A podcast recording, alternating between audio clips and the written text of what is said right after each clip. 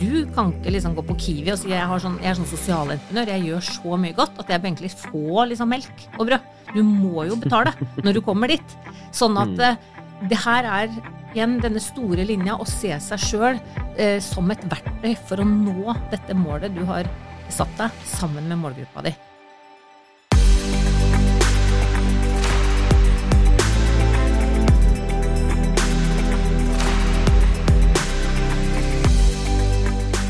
Du lytter på Impactpodden, en podkast om gründere og sosialt entreprenørskap.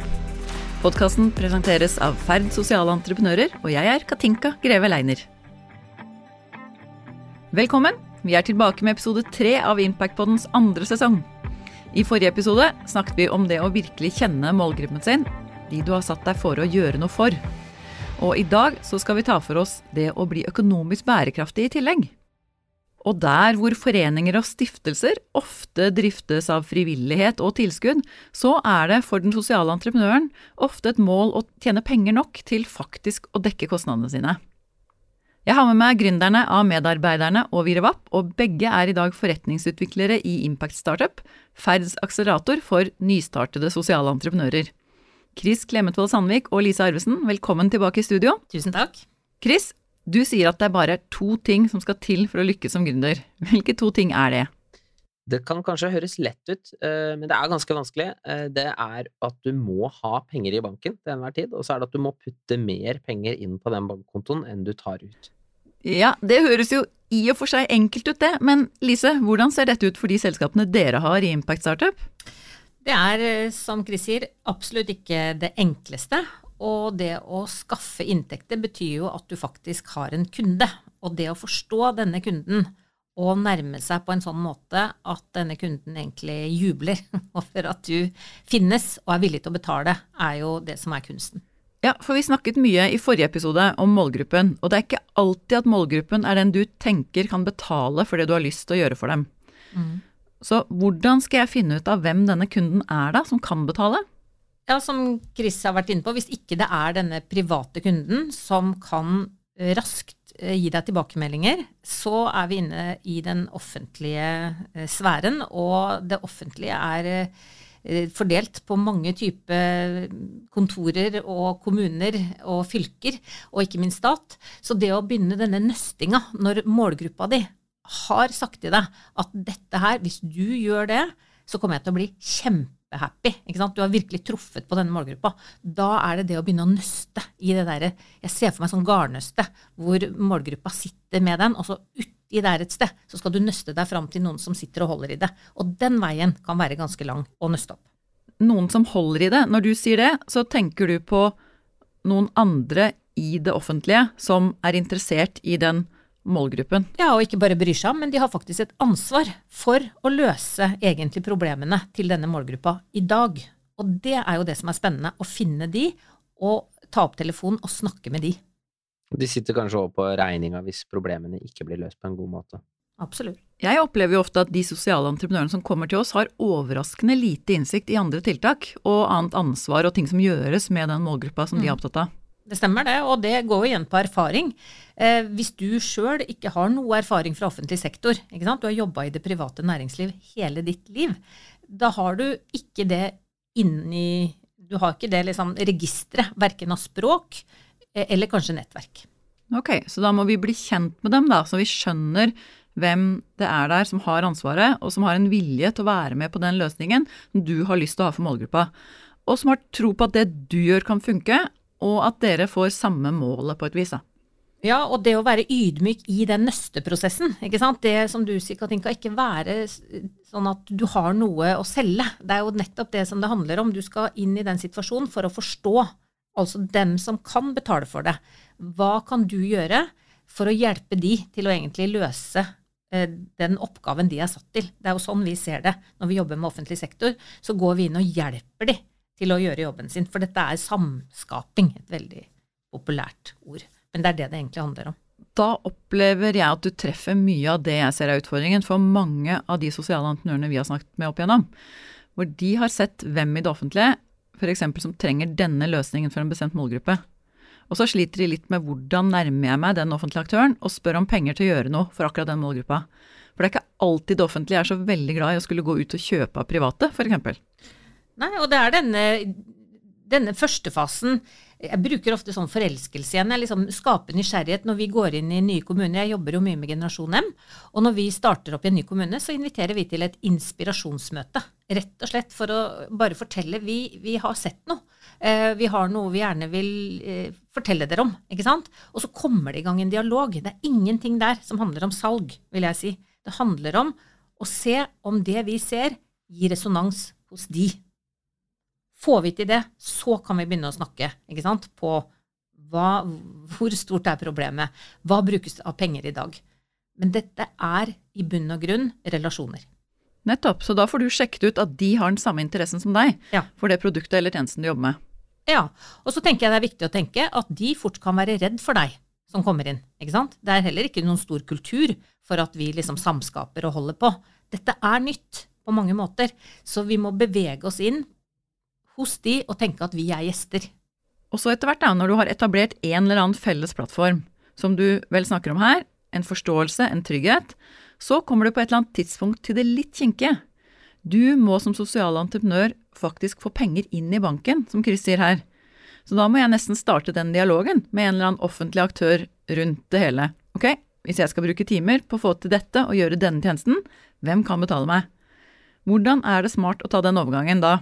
Fra at vi alle er enige om at dette er et problem, og at dette er en spennende løsning, og så at man kommer over i en fase hvor du faktisk kan be om betaling? Nei, hvis jeg ser det og deler det jeg har sett de siste åra, så er det at det finnes som regel 100 000 kroner i mange kommuner til å starte piloter. ikke sant? Dette her å, å teste ut noe. Der finnes det ofte en pott. De kan være relativt enkle å få tak i. Eh, så det å snakke om en testperiode sammen, det å komme i gang og bare kjøre en pilot, ser jo vi er en fin måte å komme i gang. Jeg opplever ofte at mange entreprenører får tilskudd i den perioden her, og det mm. kan du jo få fra forskjellige aktører. Penger til å gjennomføre testperioder. Ja, og den kan jo kommunene også er flinke til å søke på midler for å få i gang disse eh, pilotene og disse testene. Så det betyr ikke at man graver opp uh, fra kommunekassa primært, men at kommunen søker om midler og tilskudd um, som gjør uh, piloten uh, at den igangsettes. Men Chris, jeg vet du er litt skeptisk til tilskudd og sånt. Hva tenker du om det her? Ja.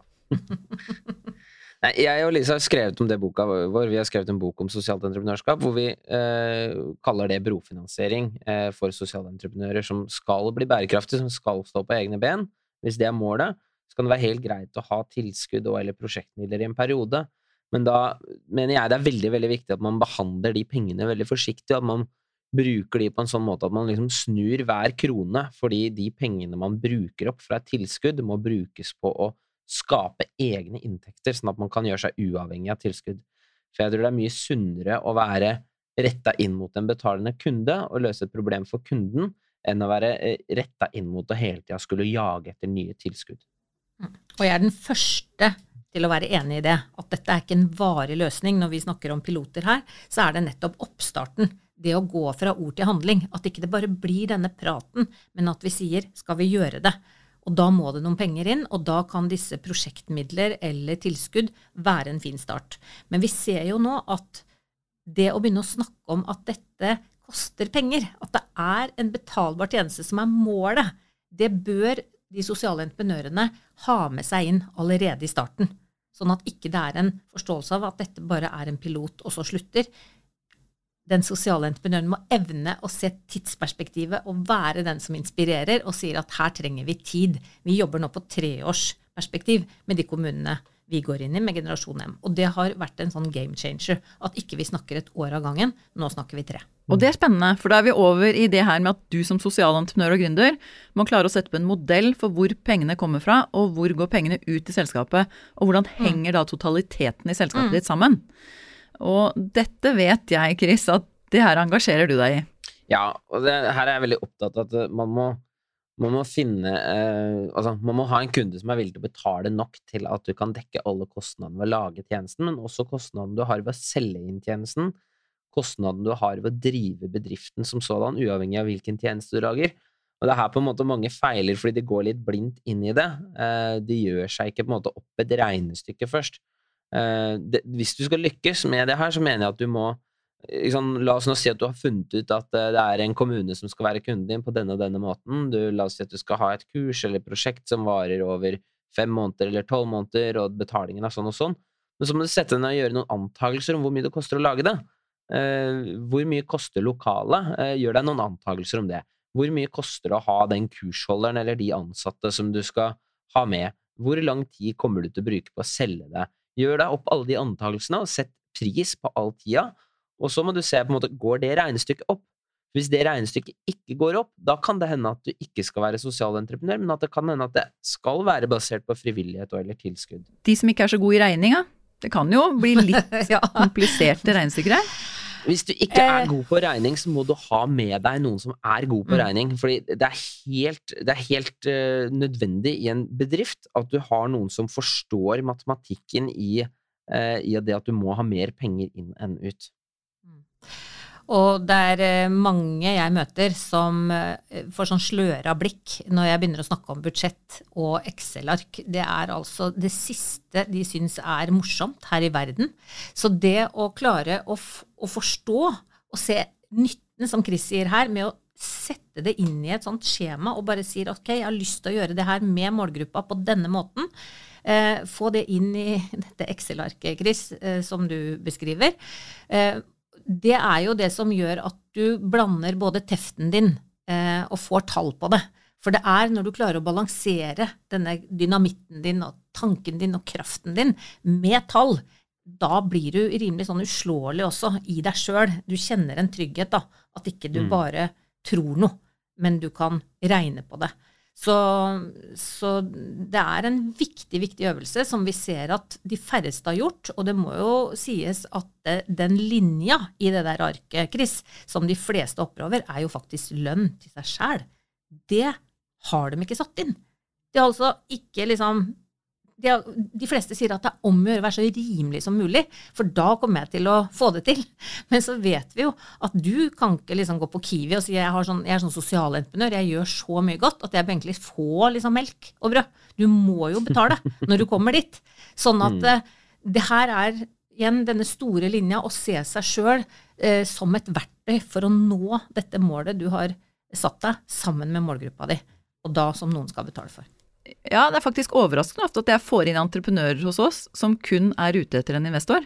Men om jeg skal være med dem på den reisen her, så må de kunne svare meg på det første spørsmålet vi stiller, og det er hvor mye penger skal du ha inn før du kan ta ut en lønn, og faktisk la mm. dette være det du lever av, og kunne gå 100% inn i det akkurat det knekkpunktet der for at du kan tjene din egen lønn, det er det mm. overraskende mange som ikke har regnet på. Mm. Og jeg vil jo si eksempelet mitt når du spurte meg, Katinka, i første episode hva som var drømmen min når jeg starta, så var det jo det å bli min egen sjef, ikke sant, og gjøre noe. Men det å ha vært lønnsmottaker, det er jo aldri noen som tenker på det. Da er det noen som har satt pris på den eh, tida di det du får til, det er en timespris.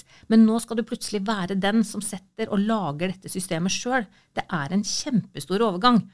Derfor trenger du som regel hjelp til å få det til bra med en gang. Eller så kan du bale rundt i mange år med sånne budsjetter som er helt tøysete. Og han eller hun som sitter og hører på oss nå, da, når du sier det, Lise, hvis de ikke vet hvor den hjelpen er, mm. hvordan skal de finne hjelp til å bli bedre på det her? Jeg vil jo si at alt ligger på nettet.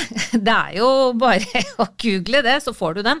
Men jeg tror vi er inne på det her med å oppsøke folk som har gjort det før. Ikke sant? Hvem er det du kjenner som har gjort dette her før? Kanskje ikke din nærmeste venn, men en du respekterer og, og tenker fader, det der vil jeg også få til.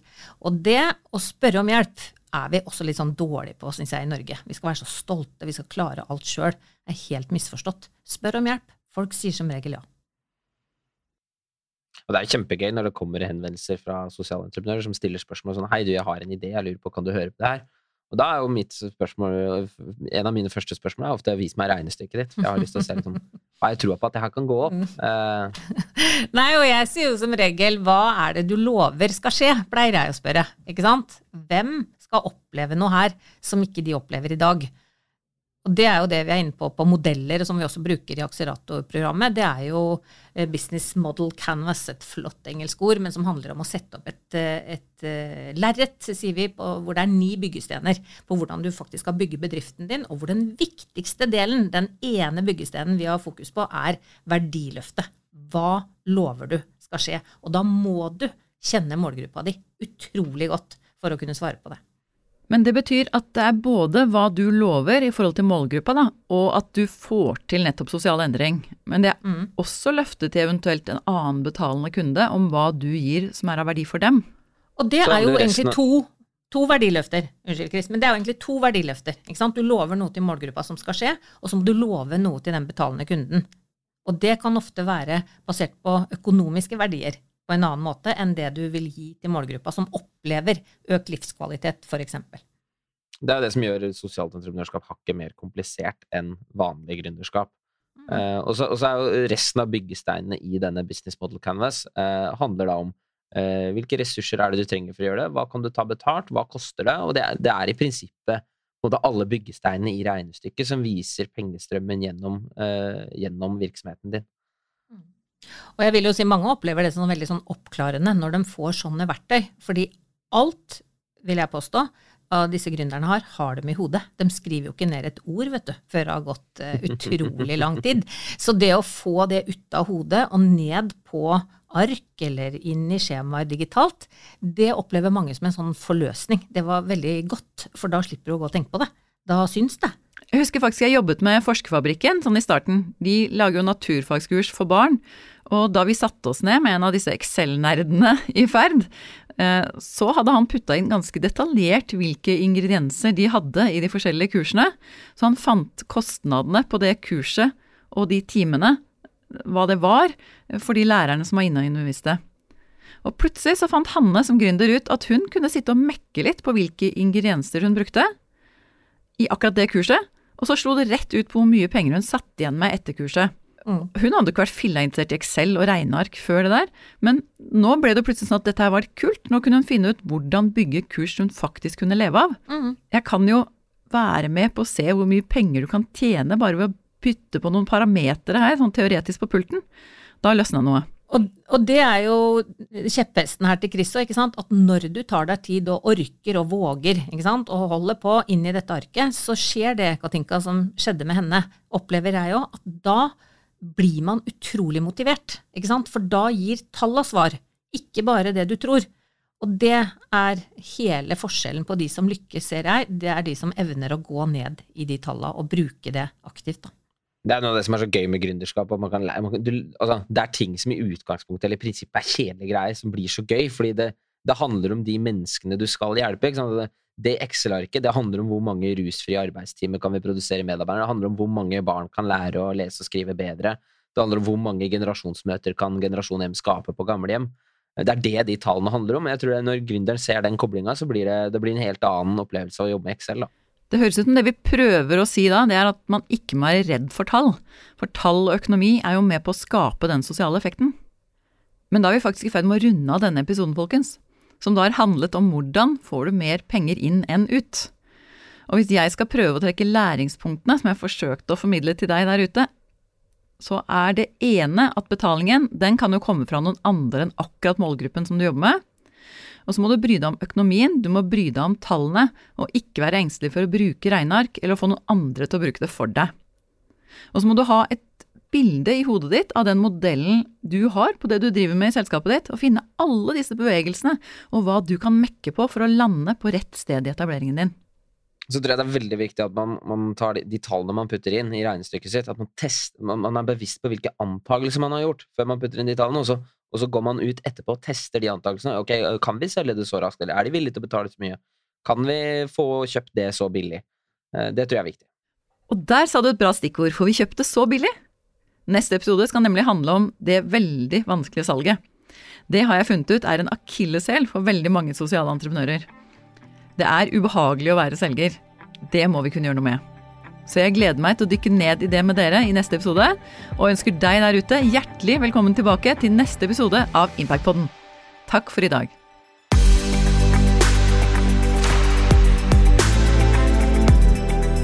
Du lytter på Impactpodden, en podkast om gründere og sosialt entreprenørskap.